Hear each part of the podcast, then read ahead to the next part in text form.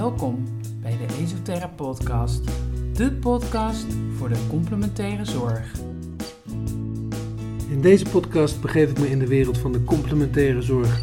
Een wereld die me al jarenlang fascineert. En een wereld die steeds doorontwikkelt en meer en meer in verbinding komt met de reguliere zorg. Genoeg om te bespreken dus. Ik ben Steven van Rossum, host van deze podcast. Luister je mee?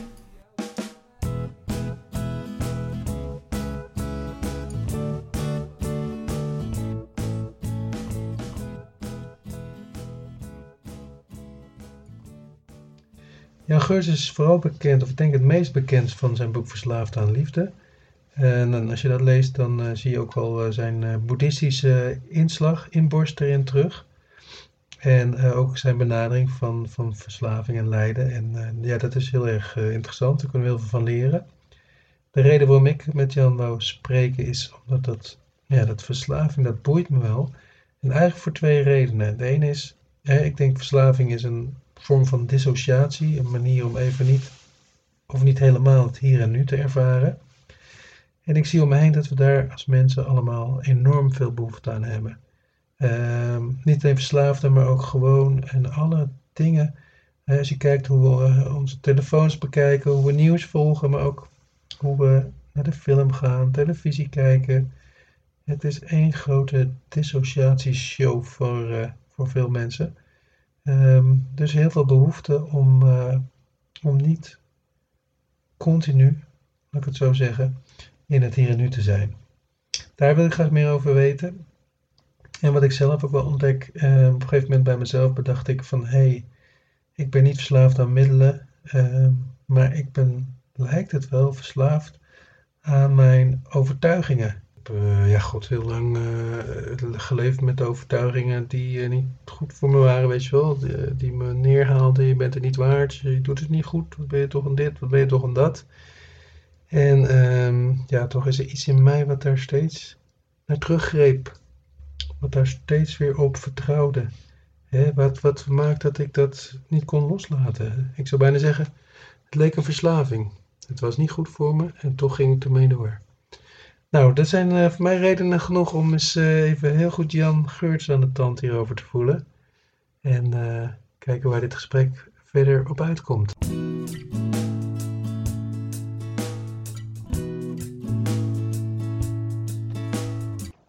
Jan, ik heb jouw boek gelezen, Verslaafd aan de Liefde. Of Verslaafd aan Liefde. Ja. En ik bedacht me eigenlijk van. nou, wat ik wel benieuwd naar was. Um, uh, of jij een definitie kan geven van verslaving. Ja, dat uh, heb ik ooit wel eens bedacht, ja.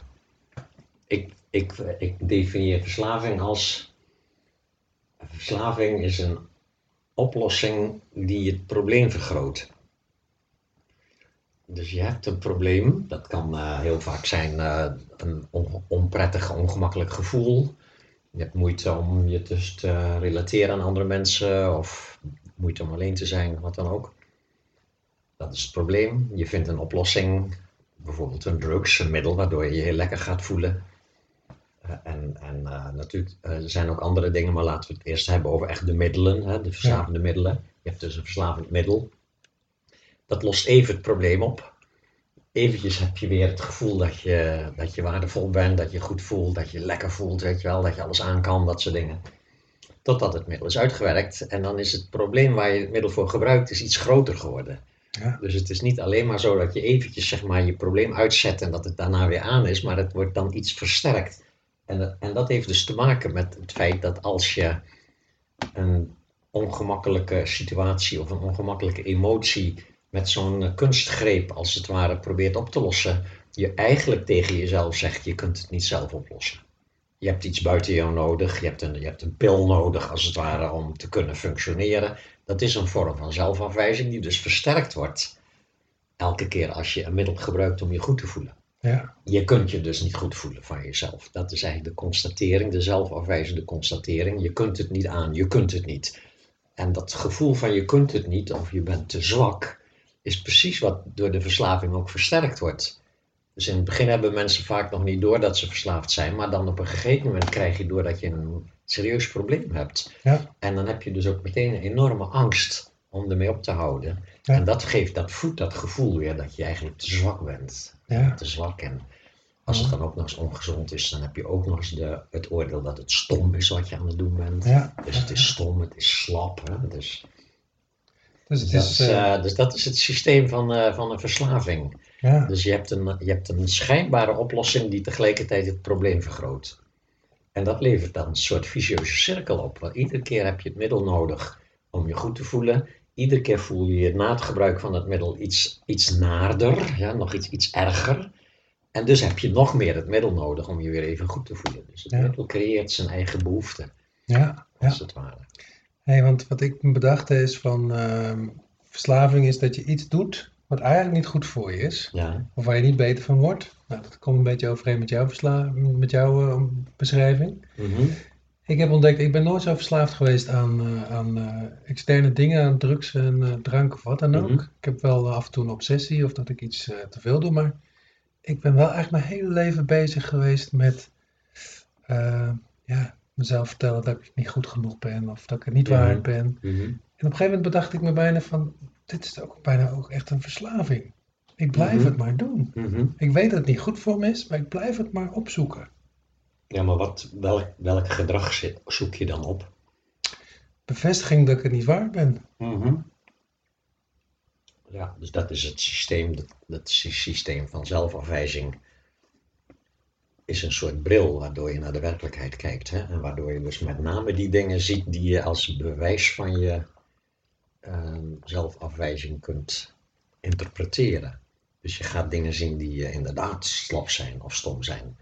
Of niet eens echt dat zijn, maar dan ervaar je ze als slap of als stom. Dus het is een... eh, het is, eh, zeg maar, wat je ervaart is een, is, een, is een resultaat van hoe je kijkt. Ja, Ja, dus het is een manier van kijken, een soort negatieve manier van kijken naar jezelf, die eh, zijn, ook zijn eigen soort van bewe- bewijs tussen aanhalingstekens oplevert. ja. ja, en die ik dus ook door blijf zetten terwijl ik eh, genoeg boeken heb gelezen en genoeg cursussen heb gevolgd Mhm. om te weten dat ik het niet moet doen. Hè? Ja, maar dat is dus die valkuil weer van, dan heb je erover gelezen, dan krijg je door dat je jezelf aan het afwijzen bent, en dan ga je vervolgens jezelf afwijzen over het feit dat je jezelf aan het afwijzen bent. Hè? Ja, Dus je krijgt een meta-zelfafwijzing. Hè? Dus je, je zelfafwijzing gaat automatisch, heb je gewoon zo aangeleerd in je jeugd. Dan word je je bewust door wat dan ook psychologische of spirituele invloeden. En dan zeg je, wat is het toch ontzettend stom van me dat ik mezelf zo stom vind. ja, Of wat slap dat ik niet kan ophouden met mezelf zo zwak te vinden. Dus dan eh, kom je als het ware op een soort van overkoepelend niveau, ga je door met jezelf afwijzen. Ja, ja, ja, ja. En je kunt ook daar nog weer naar kijken en zeggen van ja, maar wat, dat is toch stom om dat dan te doen, want je moet er gewoon mee ophouden. Maar hoe kan je ophouden met zelfafwijzen als je, als je de zelfafwijzing bestrijdt, veroordeelt? Dus de spirituele visie laat zien dat zelfafwijzing een aangeleerde reflex is in het zelfbeeld. En dat de manier om je ervan te bevrijden is er naar te kijken zonder het af te wijzen, zonder het te veroordelen. Het mag. Ja. Ja. op het moment dat je merkt dat je jezelf aan het afwijzen bent, op het moment dat even dat bewustzijn iets helderder wordt en het dus ziet, oh, nu ben ik mezelf aan het afwijzen, geeft niks, mag best, laat mij maar even. Laat mij mezelf maar even afwijzen. Op het moment dat je dat werkelijk kan zien, met een soort vriendelijkheid, met een soort van, oh, Jan is zichzelf aan het afwijzen, geen probleem, weet je wel, lost meteen de hele beknelling eruit op. Is het, is het ook echt geen probleem meer.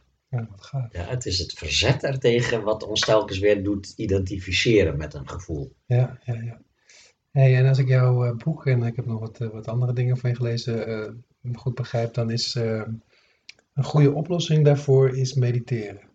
Ja, dan wel de, de, een speciale vorm van mediteren. Je hebt ook meditatie die eigenlijk voornamelijk gericht is op het kalmeren van de geest. En deze vorm van meditatie is vooral gericht op het de-identificeren van die aangeleerde gedachtenstroom. Ah, Die, die, die negatieve gedachten over jezelf. En over anderen overigens ook, want dat is hetzelfde soort patroon. Ja, ja, ja. Dus leren kijken naar je gedachten in plaats van je volledig te identificeren met je gedachten, kun je ontdekken dat er een soort diepere laag in je geest is die gewaar is van gedachten, die kan kijken naar gedachten en die op die manier als het ware zich kan losmaken van die volledige identificatie met die gedachten. Is een, eh, is een methode Die moet je dagelijks beoefenen. En het duurt een hele tijd, want je bent immers ook al een heel leven gewend om te geloven in je gedachten. En te geloven dat jij de denker van je gedachten bent. En dus moet, moet je beslist een tijd oefenen voordat je dat kan loslaten. Maar dan heb je ook wat. Dan heb je ook wat. Ja, het is het waard. Dan, eh, ja, het is het wel zeker wel waard, ja. Het is echt, kan erg bevrijdend zijn, ja. Oh, wat fijn, wat fijn. Ja. Ehm, ja, want wat, wat ik ook wel eh, begreep is dat, ehm, nou ja, ik las ergens eh, van eh, mediteren moet je gewoon doen. Het is net als met tandenpoetsen, dan ga je ook niet eh, wachten tot je het leuk vindt of zo. Maar hè, dit he- vereist ook een zekere discipline, hè? Ja, discipline is, maar discipline is een woord wat bij ons Westelingen vaak al verzet oproept. Ja, En ik vertaal het dus liever met het woord vreugdevolle regelmaat. Dat klinkt veel leuker. En het is dus inderdaad, als je het vergelijkt met tandenpoetsen, je doet het omdat je het gisteren ook deed. En je gaat niet elke ochtend overwegen, zal ik het wel doen, zal ik het niet doen, zal ik nu deze keer eerst gaan ontbijten en dan pas of zo. Dat, is dat, dat soort overleg met jezelf doe je doorgaans niet over tandenpoetsen. nee, nee. En dat moet je zien te bereiken met mediteren.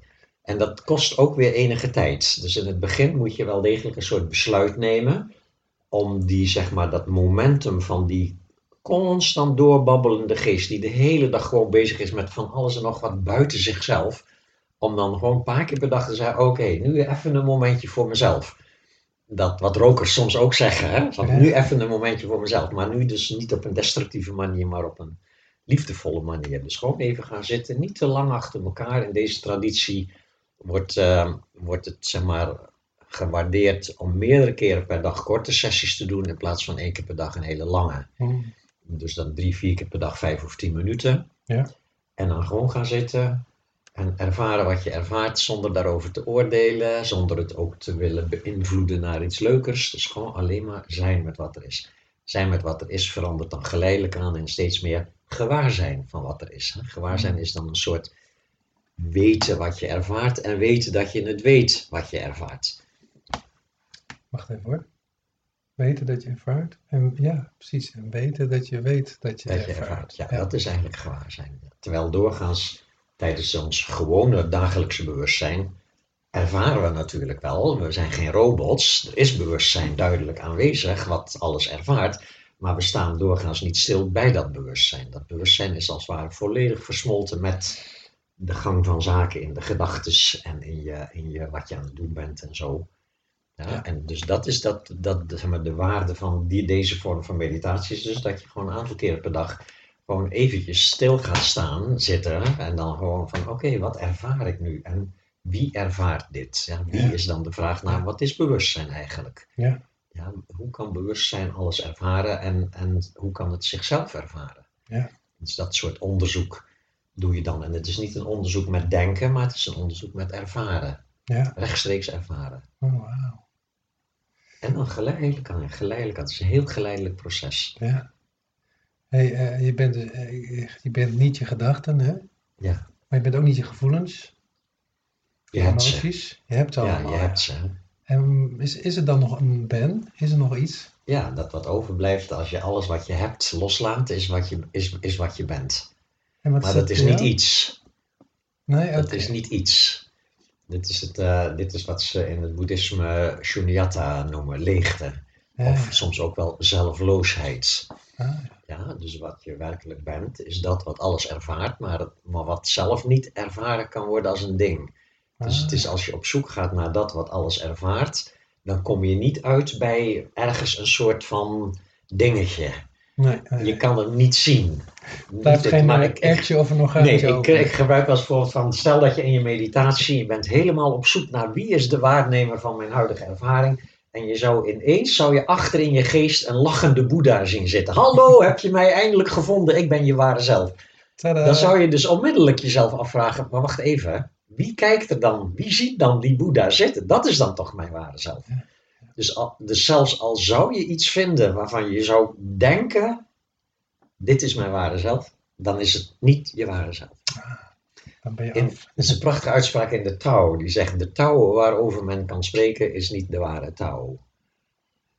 Ja. Tegelijkertijd kan je niet anders dan via taal, via spreken, kan je deze overdracht doen. Ja? Dus we moeten allemaal boeken lezen en leraren beluisteren en bekijken, weet je wel. Ja. Om ons zover te krijgen dat je de taal gaat loslaten en dat je rechtstreeks contact maakt met dat waarnemende bewustzijn. Ja, ja.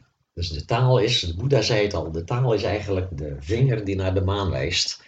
Een tijd lang heb je dat nodig om de goede kant op te gaan kijken, maar ergens moet je die vinger weer loslaten. Niet de vinger blijven bestuderen, maar dan, mm, oh daar is, dat is wie ik werkelijk ben. Een soort van.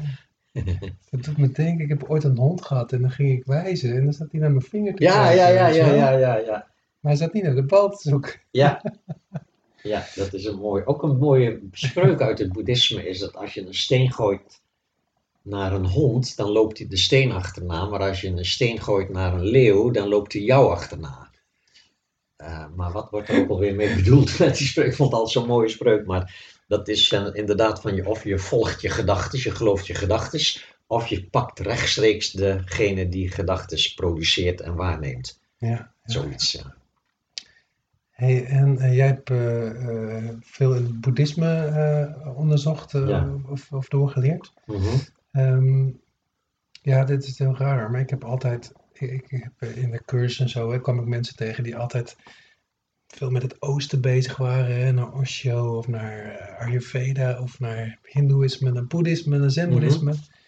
En dat, voor mij gaf dat een beetje weerstand en dan word ik een recalcitrante puber. Dan ga ik Mhm. denken van ja, maar we zitten hier in het, we leven hier Mhm. in, in het westen. Waarom moeten we naar het oosten kijken? Als ik naar een oosterse maatschappij kijk, zie ik niet dat daar, dat, dat nou verlichter is of zo. nee. Maar hoe komt het dat, dat, dat, dat, zo, eh, dat daar zo veel wijsheid, hoe werkt dat? Hoe? Ja, ik weet niet. Het is best wel een hele complexe vraag naar hoe dat historisch. Waarom is de Boeddha 2500 jaar geleden in India geboren en niet hier? Ik denk dat dat heel duidelijk een reden heeft. Hier leefden alleen nog maar hole bewoners, zal ik maar zeggen. Dus mensen in een hele primitieve samenleving. Terwijl India 2500 jaar geleden best wel een, een, een geavanceerde samenleving was. In de zin van daar werd al heel veel nagedacht over. En daar werd al heel veel gemediteerd. Al, hè, dat Ja. heette dan Hindoeïsme in die tijd. Ja. en de Boeddha zag dat dat Hindoeïsme helemaal vastgelopen was in een soort starheid, in een soort dogmatisme. En hij bracht daar een soort vernieuwing. Een beetje wat hier in de, in de middeleeuwen gebeurde, of na de middeleeuwen, hè, met katholicisme, wat helemaal verstart was in dogma. En toen kreeg je zo'n zo'n protestantisme, hè, de, de beweging die daartegen in opstand kwam en weer een soort levende religie wou, wou eh, voorstaan, die inmiddels natuurlijk ook alweer versteend is in allerlei dogma's en rituelen en vast, vastgelopen dingen.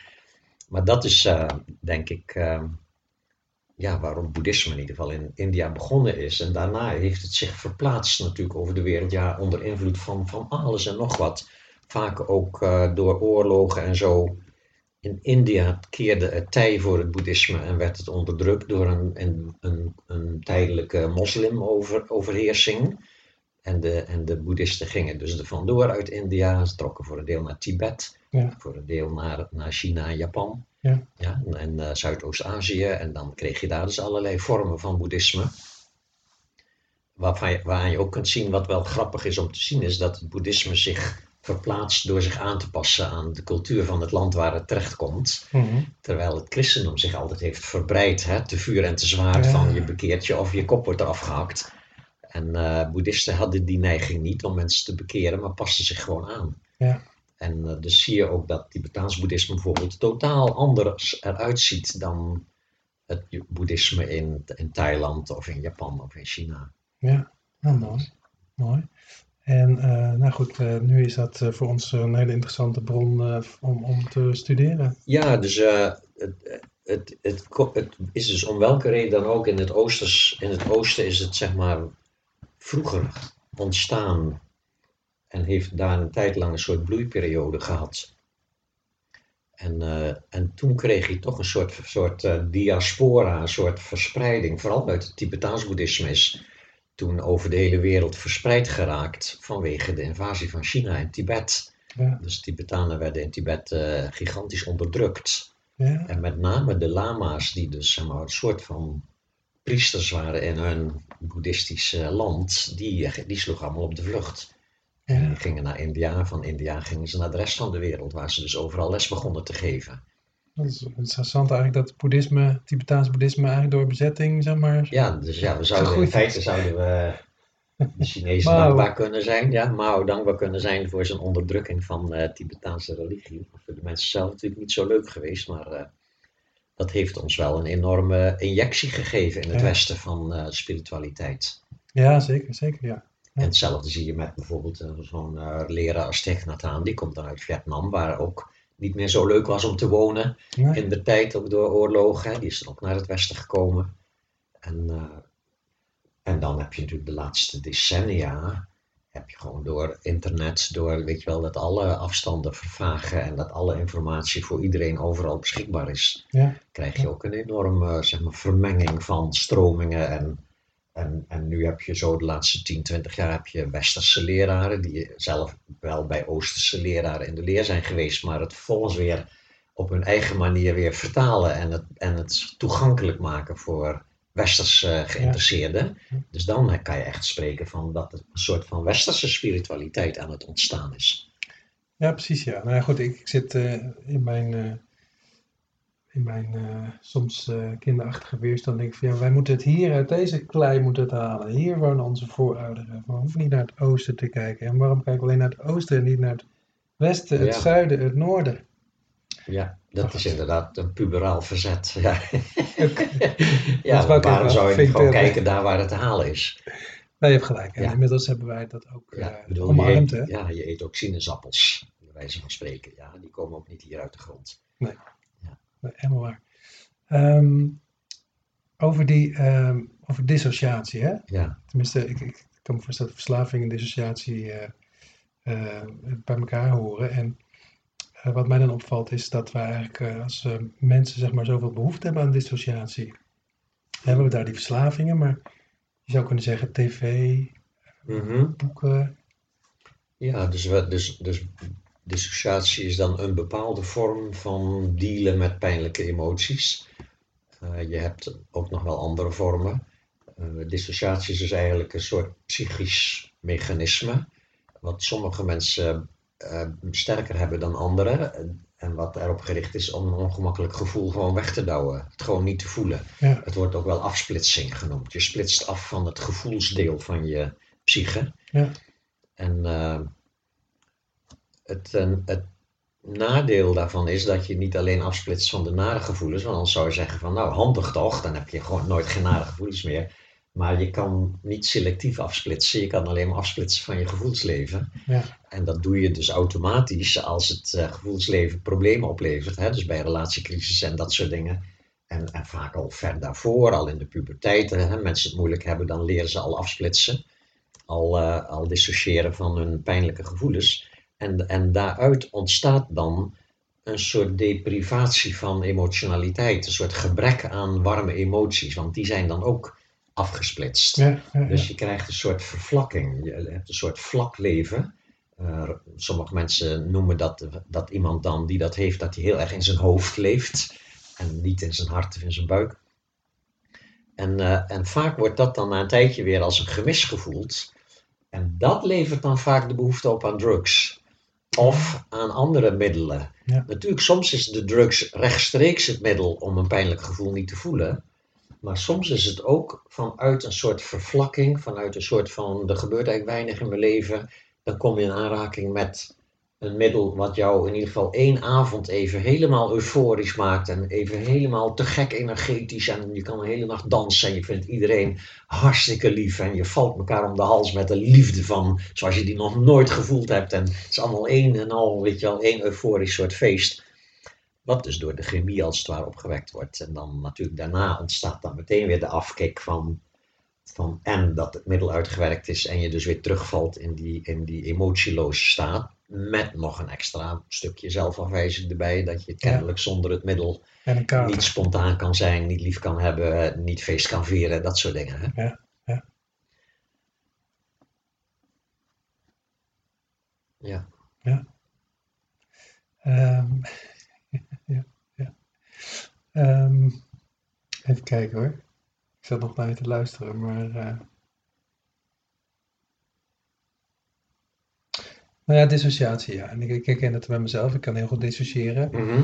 Zo goed dat ik er zelf eh, geen controle meer over heb, of had in ieder geval. Nee, dat is ook doorgaans, het is een automatische Ja. reflex. Het is niet zo dat je besluit bij een pijnlijke emotie, zal ik dan wel of zal ik Ja, niet ja, dissociëren? Nee, ik doe het, weet je wel. Nee, nee het gaat automatisch. Het is een, echt een psychisch mechanisme van automatisch bij een opkomend pijnlijk gevoel is een soort, weet je, soort, Ja, weet je, ja. van, ik ken het heel goed, want ik heb heel mijn leven dat gedaan tot, zeg maar, Ja, ja, ja. tot voor mijn eh, spirituele pad. Hè. Nee, ehm, maar zoals je het uitlegt, is het eigenlijk heel logisch. Het is gewoon de pijn te vermijden of een, of Ja. een vervelend gevoel te vermijden. En daar, ja goed, daar valt wel wat voor te zeggen. is op zich wel logisch. En soms is het eh, vreselijke gevoelen, dus dan heb je als enige optie heb je maar eh, te dissociëren.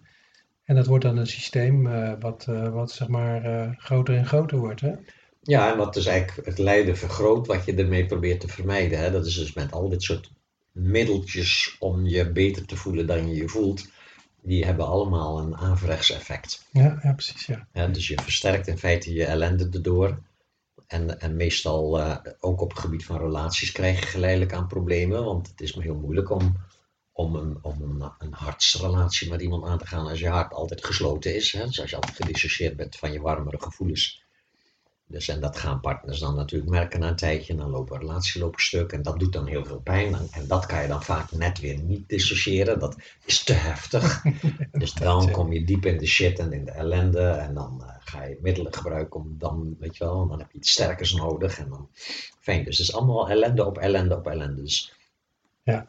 elke truc om van je lijden af te komen. Ja, in de zin van door het te verdoven, toe te dekken, ervan af te splitsen, vergroot dat lijden. Net zolang totdat je doorkrijgt, dit werkt niet. Ja. En dan ga je pas zeg maar, onderzoeken, ga je eventueel in therapie of in een spirituele beoefening doen. Ja. Dus het lijden heeft altijd ook weer die functie. Hè? De functie van het lijden is een symptoom van eh, je strategie deugt niet. Eh, je doet de dingen die het lijden veroorzaken. Een tijd lang heb je dat niet door. Je denkt het lijden komt op je weg als een soort domme pech. Eh, totdat je dus doorkrijgt dat er een relatie is tussen je eigen zeg maar, mentale strategie en het lijden wat je telkens weer terug tegenkomt in je leven. En dan ga je onderzoeken, eventueel in therapie, eventueel Ja. spirituele beoefening doen. Om zo'n dissociatiemechanisme, om dat geleidelijk aan af te leren. En om eh, ja, andere dingen te doen die dat gevoel wel weer openzetten en toelaten. Een andere houding ten opzichte van je pijnlijke emoties. Niet eentje van wat stom dat ik dit heb, maar juist eentje van oh, ik heb het moeilijk. Dit is mijn kans om ja, een stukje genezing te doen, een stukje spirituele groei Ja, te doen. Hè? Dus dan ga je je lijden benutten. ja, ja, ja. En dat is eigenlijk dan altijd eh, precies de tegen- tegenovergestelde richting eigenlijk. Niet weg Ja. van je, hè, niet Ja. middelen nemen, maar juist naar binnen toe. Ja, dat is de eerste edele waarheid. Hè? De Boeddha, zijn eerste onderricht van de Boeddha heet de vier edele waarheden. En de eerste daarvan is het lijden moet worden onderzocht.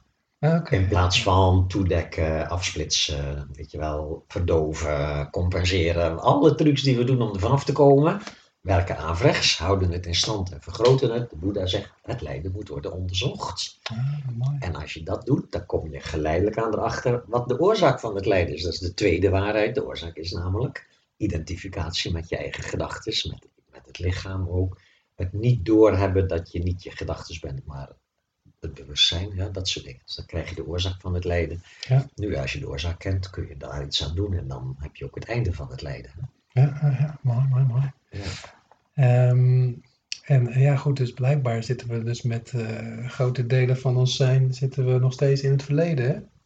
Ja, dat, ja, We dat, blijven plakken. dat, dat, het hele zelfbeeld bestaat eigenlijk alleen uit verleden. Ja, alles wat je meegemaakt hebt, zeg maar tot één seconde geleden, dat vormt je zelfbeeld. En dat heeft een, natuurlijk een aantal ernstigere en een aantal oppervlakkigere kanten. De ernstige kanten zijn natuurlijk dat, dat wat je als in je vroege jeugd hebt meegemaakt, die totale afhankelijkheid van ouders. eh, en angstigheid ook, dat eh, weet je wel, een soort, soort onbewuste angst voor om verlaten te worden dat speelt nog steeds door in ons volwassen leven in relatiecrisissen. Dat is altijd met dezelfde verlatingsangst weer. Dezelfde hoop om zeg bemind te worden door iemand die er altijd voor je is, zoals dat dan vroeger je ouders waren. Ja. En dus dat hele mechanisme komt uit je jeugd.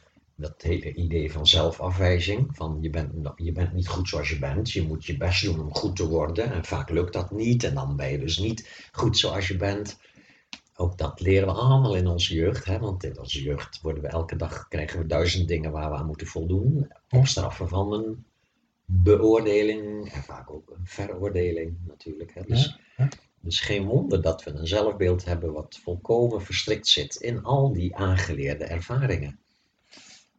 Maar ehm, wat hebben we dan al aan al die bewust, aan al dat bewustzijn?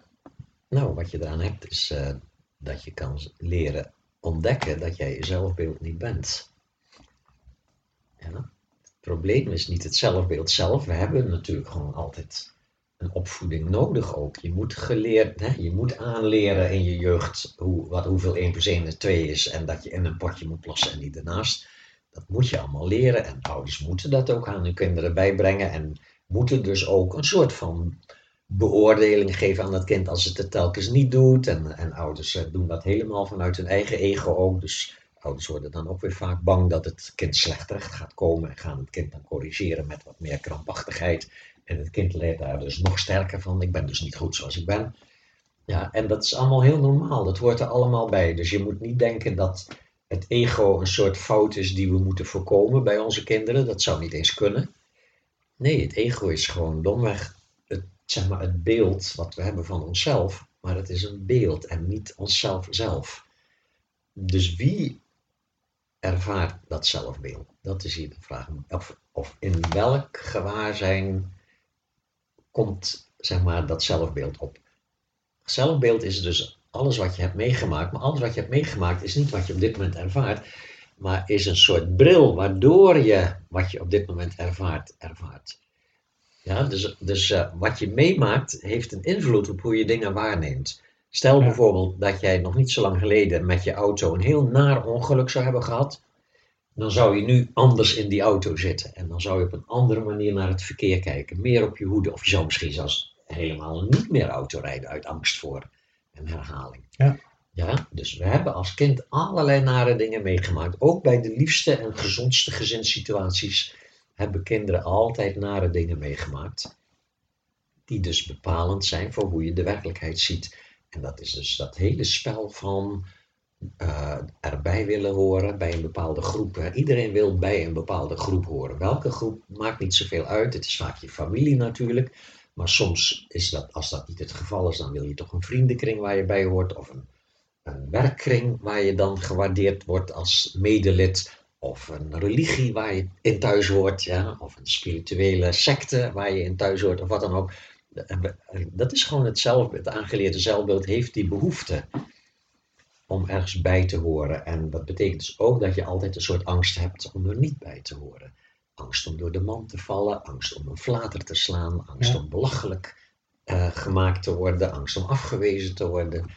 Ja, en dat, eh, dat ervaren we dan ook als heel pijnlijk als dat gebeurt. Ja, ja, dus, dus dat is allemaal vanwege dat we geloven dat die gedachten over onszelf onszelf zijn. Dus dat we dat zijn. In plaats van dat dat als het ware een aangeleerde constructie is, waarmee je weliswaar functioneert in de wereld, maar het is niet wat je werkelijk bent. Nee, nee.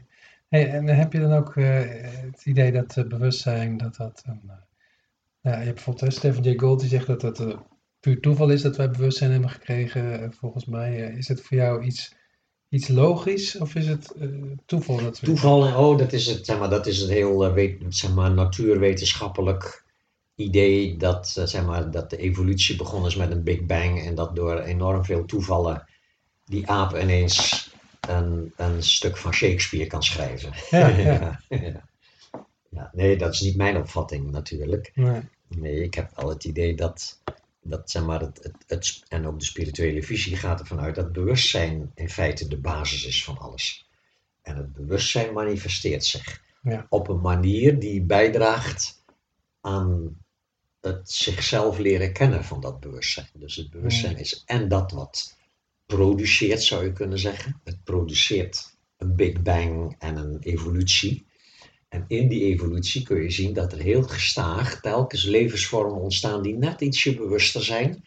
En die dus ook leren. Ja, levensvormen leren dus ook hè, door schade en schande over het algemeen. Hè? Ja. Door narigheid, ja. Zelfs dieren, als ze heel erg veel problemen hebben, dan vinden ze ergens een manier om met die problemen te dealen. Of, ze sterven uit, uiteraard. hè. Ja, ja. Dat- En zo, eh, zo zie je dus een telkens een groei van bewustzijn, ook doordat telkens eenvoudige levensvormen zich met elkaar verbinden en samen een soort complexere levensvorm gaan vormen, die dus ook weer ietsje meer bewustzijn heeft op, over zichzelf en zijn omgeving. Ja. En, eh, dus dat is volgens mij het hele spirituele proces. Bewustzijn is een soort basis van waaruit zeg maar, alle verschijnselen ontstaan, maar die verschijnselen hebben op een of andere manier weer een soort terugwerking op dat bewustzijn zelf, wat steeds meer daardoor van zichzelf bewust wordt. Hmm. Mooi, mooi, mooi. En, ehm, heb je, is dit daar ook een doel aan? Of een richting? Wat, wat is de volgende Nou, het fase? enige, ik geloof, ik geloof dat bewustzijn in feite maar één verlangen heeft en dat is bewustzijn.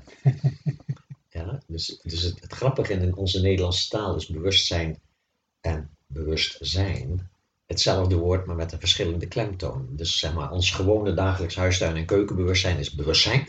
Ja? En wat je oefent in spiritualiteit is bewustzijn. Ja. En wie is dan, wie is bewust? Bewustzijn. Dus het bewustzijn is zich doorgaans niet bewust van zichzelf, heeft zich geïdentificeerd met de levensvorm waarin het dan op dat moment zich manifesteert. Ja? En dan geleidelijk aan wordt het door die levensvorm bewust van zichzelf. Ja, ja, Dus je moet eerst mens worden om te ontdekken dat je niet een mens bent, maar bewustzijn wat zich manifesteert als mens. ja, ja, ja. Hey, en eh, ja, ik weet dus eigenlijk helemaal niet zoveel van boeddhisme, vooral niet eh, als ik zo hier tegenover jou zit. Eh, is, het, is, het, is het streven of zo van boeddhisme eh, verlichting? Ja, dat wil zeggen, het, het streven van het bewustzijn is bewustzijn. Oh, ja. En in de loop der eeuwen zijn er telkens mensen geweest die daarin zeg maar, vorderingen hebben gemaakt en dat hebben weergegeven in geschriften en zo. Dus zo is de Boeddha ook iemand die kennelijk op een of andere manier een soort sterke verlangen had naar het leren kennen van zichzelf. Van wie is dit nou eigenlijk? En, en, en, en bij, bij de Boeddha had dat ook alles te maken met dat, zeg maar, met dat vastgelopen eh, systeem waarin die geboren werd. Hè, dat systeem van zeg maar, kastenstelsel en hindoeïsme, dogmatisch, de brahmanen die daar alle macht hadden en zich Ja. dik lieten betalen voor hun religieuze arbeid en dat soort dingen. Ja. Ja, dus, dat, eh, dus de Boeddha kwam daarin zeg maar, een soort van te- tegen in opstand, maar hij ging gewoon op zoek naar van dit kan niet, dit kan niet waar zijn, weet je wel. Er moet iets echters, mooiers, diepers zijn achter de werkelijkheid. Er moet een mogelijkheid zijn om dit lijden te overstijgen.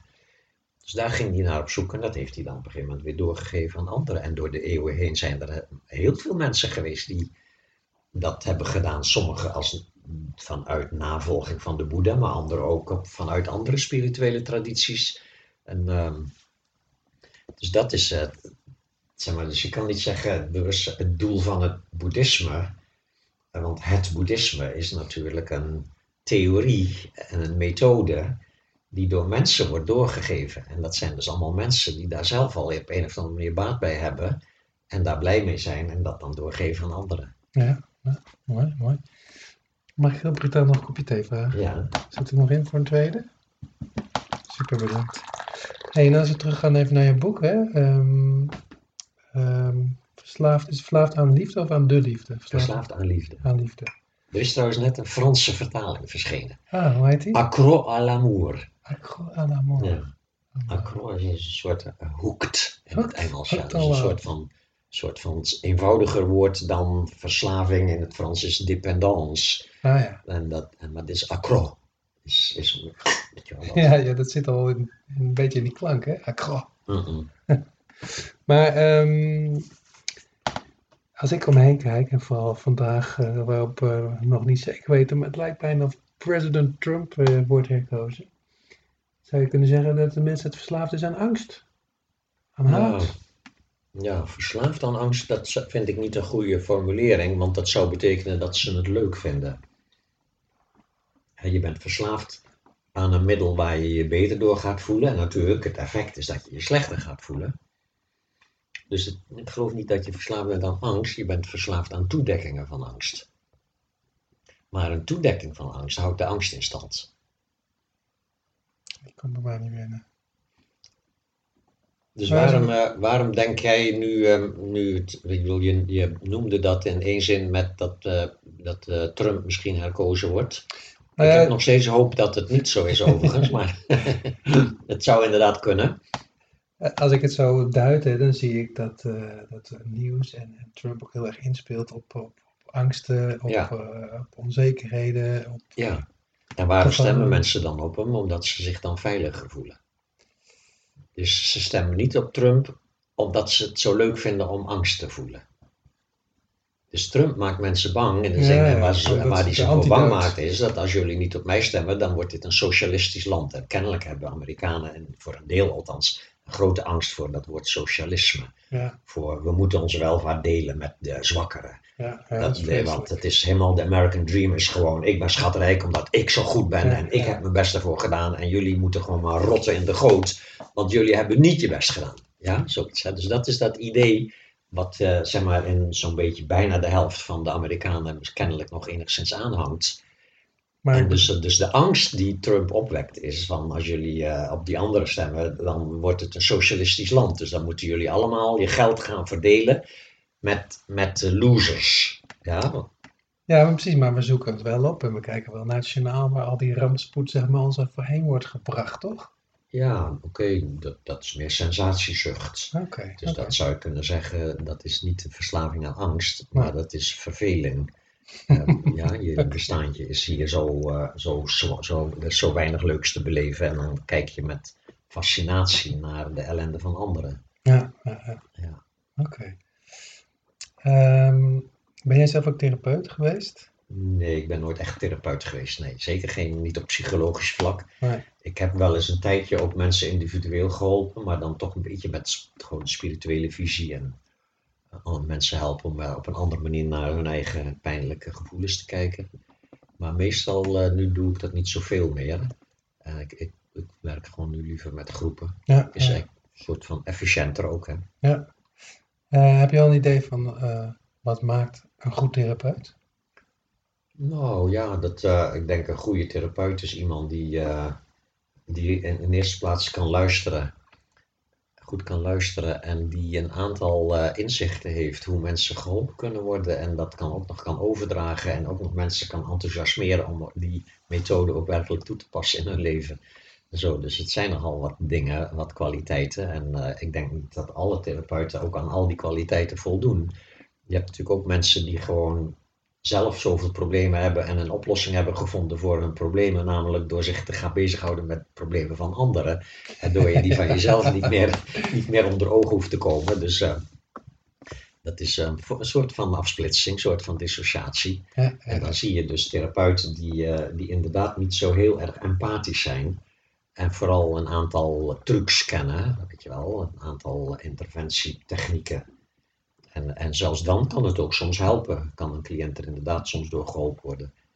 Je, je kan nooit, je weet het nooit eigenlijk wat iemand nodig heeft op een bepaald moment. Dus uh, ik heb wel, wel mensen ook hier dan zeg maar bij me gehad met ernstige psychische problemen. Die toch een website hadden waar een gigantisch prachtig mooi verhaal op stond van hoe zij mensen allemaal, hoe zij mensen aan het helpen waren en zo. Hè? Dus en, en ik doe daar niet cynisch over, want dan denk ik, oké, okay, weet je wel, je hebt zelf grote problemen. Misschien is dat ook wel een onderdeel van waarom je andere mensen kunt helpen. Dat je niet wel ze ook van jezelf kent. Ja, zo ja. Maar natuurlijk, dat kan. Maar het kan ook zijn dat je inderdaad wegloopt van je eigen problemen en, en door je te richten op het helpen van anderen.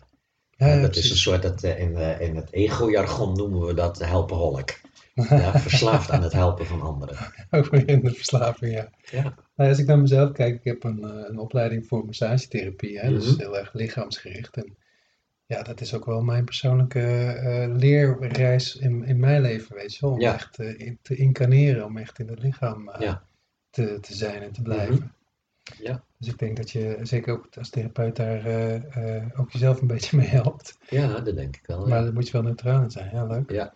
Ja, als je zelf niet, als je zelf geen contact met je lijf hebt, kan je waarschijnlijk ook niet echt goed masseren. Nee, nee. Nee, en, en, uh, en ik denk dat uh, mensen, veel mensen, een onderdeel van hun psychische problemen is dat ze door afsplitsing bijvoorbeeld geen contact hebben met hun lichaam.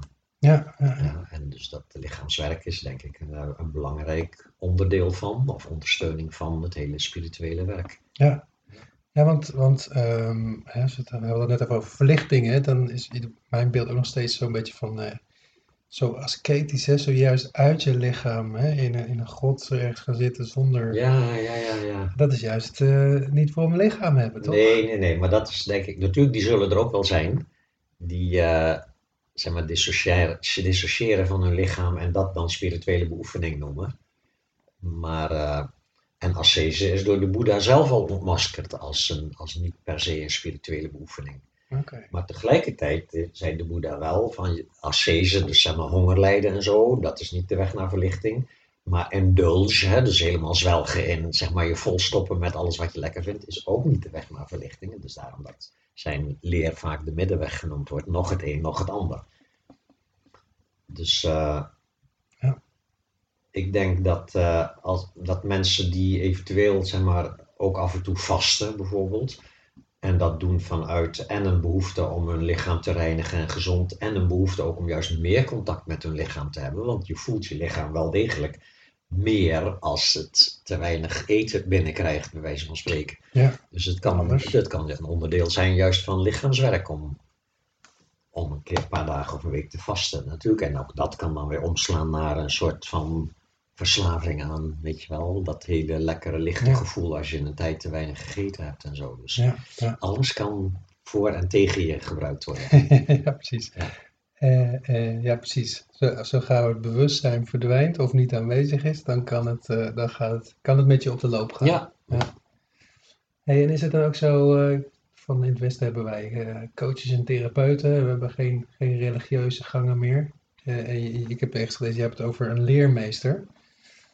Ehm, is dat een beetje de tegenhanger van wat wij de therapeuten hebben? ja. Kijk, ik, je hebt, je, ik maak wel graag onderscheid tussen psychologische hulpverlening en spirituele hulpverlening. En psychologische hulpverlening is eigenlijk gericht op het gezond maken van het ego. Ja, dus het ego is zeg maar, het zelfbeeld wat je in je jeugd hebt aangeleerd. Daar zitten soms automatismen in die heel erg naar zijn. Mensen die bijvoorbeeld met heel veel angsten opgroeien, of mensen die met enorme eh, zelfafwijzing opgroeien, hè, omdat ze slecht behandeld zijn in hun jeugd bijvoorbeeld. Eh, dan eh, is psychotherapie de, de aangewezen weg om dat ego zeg maar, te helpen zichzelf te genezen. Het ego gezonder maken. Ja, in mijn geval bijvoorbeeld, ik heb heel veel baat gehad bij een, een intens, intensief trainingscircuit op het gebied van het ego. Ik, wa- ik eh, was van huis uit was ik, eh, ontzettend bang om conflicten aan te gaan. En mijn, hè, een van mijn patronen is dus het nice guy patroon. Hè? Dus altijd gewoon zeg maar, meepraten met anderen en mensen geruststellen en glimlachend. Eh, als, je, als je bang bent, ga je glimlachen. Om maar vooral te voorkomen dat mensen denken dat je boos bent of zo. Ja, Dus eh, daar, daar is toen aan gewerkt in dat intensieve trainingscircuit. Daar heb ik een hoop aan gehad wel. En, eh, maar dat, dat vind ik dus, dat is psychologisch werk. ja, ja, ja. En eh, dus psychologisch werk is het ego als het ware bijstaan om gezonder te gaan functioneren. Dus dat, daar valt ook onder, als je je mond niet durft open te doen in groepen, dan ga je een, een workshop spreken in het openbaar doen. Weet je wel, dat soort dingen. Ehm, angsten proberen, hè, bang voor liften, bang voor spinnen, dat soort dingen. Als daadwerkelijk, weet je wel, smetvrees, al dat soort dingen. Met, dat kan je met een psychologische training, kan je dat eh, aardig eh, bij, bijsturen, zodanig dat je jezelf vrijer kunt gedragen als ego. Ja. Dus dat is best wel mooi dat dat er bestaat ook. Maar, maar de spirituele eh, visie doet nog iets anders. Laat namelijk zien dat jij je ego niet bent. Hmm. Dus die volledige identificatie met het ego maakt dat het ego leidt. Het psychologische hulpverlening kan jou helpen om bepaalde patronen in dat ego die extra veel lijden veroorzaken, om die patronen om te buigen naar, weet je wel, nice guy leert assertief zijn, weet je wel, spreekangst leert praten in het openbaar, dat soort dingen, liftangst leert, weet je wel, met de lift te gaan in plaats van de trap. Dus allemaal dat soort dingen, dat is heel erg mooi. En dan kun je dat tegelijkertijd, zou je spirituele beoefening kunnen doen, en als het ware die lichtheid ontwikkelen van dit, wat mooi dat mijn ego nu bezig is om zich beter te gaan gedragen in het leven. Maar ik ben dat ego niet. Dus je kan tegelijkertijd die ruimte eromheen leren ontdekken. Ah, En dat maakt eigenlijk dat ook het psychologische werk effectiever wordt, denk ik. Dat Ja. in plaats van als je vreselijk bekneld zit in zelfafwijzing, wat stom dat ik niet voor mijn mening durf uit te komen. Ik moet aan het werk om assertief te worden, anders ben ik een lul, weet je wel. En dan ga je keihard werken om, weet je wel, maar dan ontstaat er misschien wel een soort ehm, nieuw patroon van bijvoorbeeld van botheid. Weet je wel, dat, dat is, Ja. ik bedoel, het is misschien minder erg dan, dan angst. door. Ja, maar dus, snap je wat ik bedoel? Dus dan, Ja, ja. Dus als je, terwijl je, als je een assertiviteitscursus volgt, maar je hebt tegelijkertijd al een beetje die humor van, van ik ben dat ego niet, maar dat ego is wel mijn instrument waarmee ik dit leven leuk moet zien te maken. Ja. dus ik ga mijn best doen om assertiviteit te ontwikkelen, maar dan doe je dat met veel meer lichtheid, met veel meer soort van wat leuk dat ik deze workshop kan gaan doen. Ja, ja, ja. Ja. Nou, over lijden en lichtheid gesproken dan. ehm, heb, ik heb ergens gelezen en ik ben het niet zo goed te citeren of terughalen, maar ehm ja, volgens mij zei iets van nou, hè, lijden is steeds weer een kans om jezelf te ontwikkelen. Ja, ja dat, is, eh, dat is ook zo'n typische spirituele visie. Het lijden is dus natuurlijk, het lijden is ook het gevolg van het niet weten wie je werkelijk bent. Maar het is ook telkens een manier om wel te leren kennen wie je werkelijk Ja. bent. Ja? Dus het, het probleem is ook tegelijkertijd een deel van de oplossing. Als je het zo kunt gaan zien. Dat is het grote ommekeerpunt. Dus je kunt je lijden telkens blijven zien als een soort domme pech die je overkomt. En dus erin verharden, het bestrijden, weet je wel, eh, bang ervoor zijn, dat soort dingen. En dan zal het zich iedere keer weer opnieuw voordoen. Iedere keer kom je ook dezelfde types lijden tegen in je leven, totdat je zwaar ineens die vraag stelt van, ja maar wacht even, waarom komt dit nou telkens weer op mijn weg? Waarom val ik telkens op die verkeerde type mannen, weet je wel? Waarom word ik telkens ontslagen na een jaar op bij een nieuwe werkgever, omdat ik in conflict kom met collega's? Wat, waarom, waarom gebeurt dit telkens? Is er misschien iets mis met mijn manier van kijken, met mijn, met mijn manier van mijn strategie om gelukkig te worden? Weet je wel? Ja, ja, En dan komt, dat, maar dan komt die spirituele vraag op. En dan komt dat een soort van omkering. Het lijden helpt jou dan als het wordt een soort spiegel van kijk eens naar jezelf. In plaats van altijd dat lijden te beschouwen als de schuld van anderen.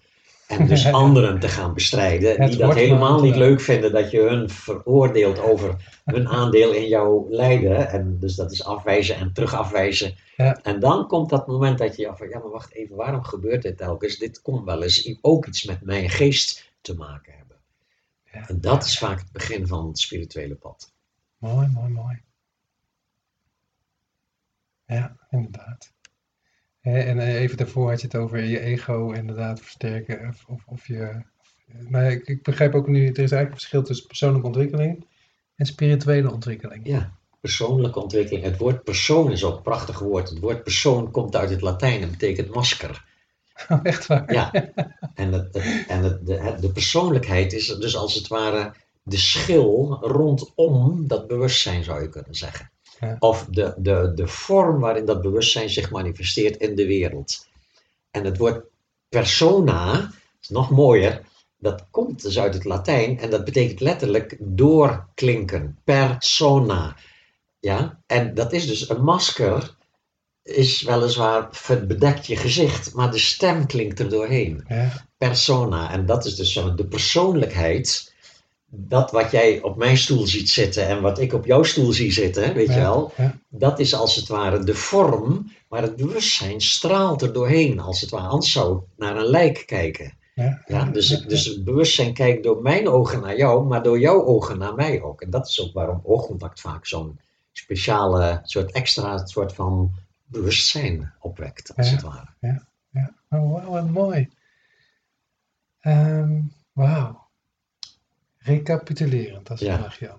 Ik zit even te denken, hè, van, nou, ik ben bijvoorbeeld, eh, ik ben, eh, ik ben geadopteerd, dus ik ben meteen, zeg maar, in diepe gegooid met eh, heftige thematiek, Ja. hè, in het leven. En ik heb er ook vrij vroeg al, vanaf mijn twintigste, van alles mee, mee gedaan. eh, cursussen, ontwikkelingen, lezen en dit en dat. En misschien ook eh, heb ik even een paar jaar pauze genomen, maar het is een thema. En op een gegeven moment kwam bij mij de disillusie dat ik nog steeds de foute partners koos. Dat ik Nog? De verkeerde partners koos. Of Oh, nog steeds ja, ja. boos op mezelf werd en Ja. dergelijke. Na al dat psychologische werk. Ja, stop ik er zoveel moeite in. Ja. En wat krijg ik terug van de Ja. kosmos?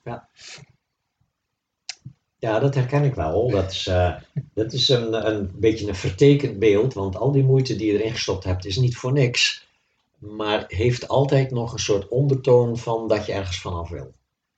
Je wil nog, weet je wel, je wil jezelf veranderen naar een betere versie van jezelf. Je hebt nog Ja. eigenlijk, het is nog altijd gevoed door zelfafwijzing. Ja. en, en het mooie is nu dat zodra je die spirituele visie gaat, erbij gaat beoefenen, en je komt dus als het ware in aanraking met een soort rechtstreekse manier van onvoorwaardelijke zelfwaardering. Die dus niet afhangt van of anderen jou goed vinden. Dat is doorgaans het ego ontleent zijn zelfwaardering aan anderen. Ja. Ja, maar er is een rechtstreekse manier die je in die beoefening kunt, zeg maar, geleidelijk aan kunt ontwikkelen. Waardoor je een soort rechtstreekse, onvoorwaardelijke soort van zelfsupport hebt. En dan van daaruit wordt al die moeite die je hebt gedaan, die kan dus ook ineens dan als het ware vrucht gaan dragen Ja. omdat daar die, die nare angel uitgehaald wordt van dat je al die dingen hebt gedaan, omdat je jezelf wou verbeteren naar een soort beter beeld van jezelf. Nou ja, weet je het voor mij nu voelt? Ik was altijd bezig met dat lijden af te breken. Hè, of weg te stoppen Ja. in plaats van iets op te bouwen of te Ja. laten groeien. Ja. Mooi. Ja. Hey, maar ontzettend bedankt Jan. Ja, met alle plezier hoor. Hartelijk dank voor het luisteren naar de Esoterre podcast. Deze podcast is te beluisteren via Soundcloud of Spotify. Als iemand kent die het ook wil horen, geef het SVP door. En heb je nog tips, opmerkingen? Laat het me weten. Dankjewel.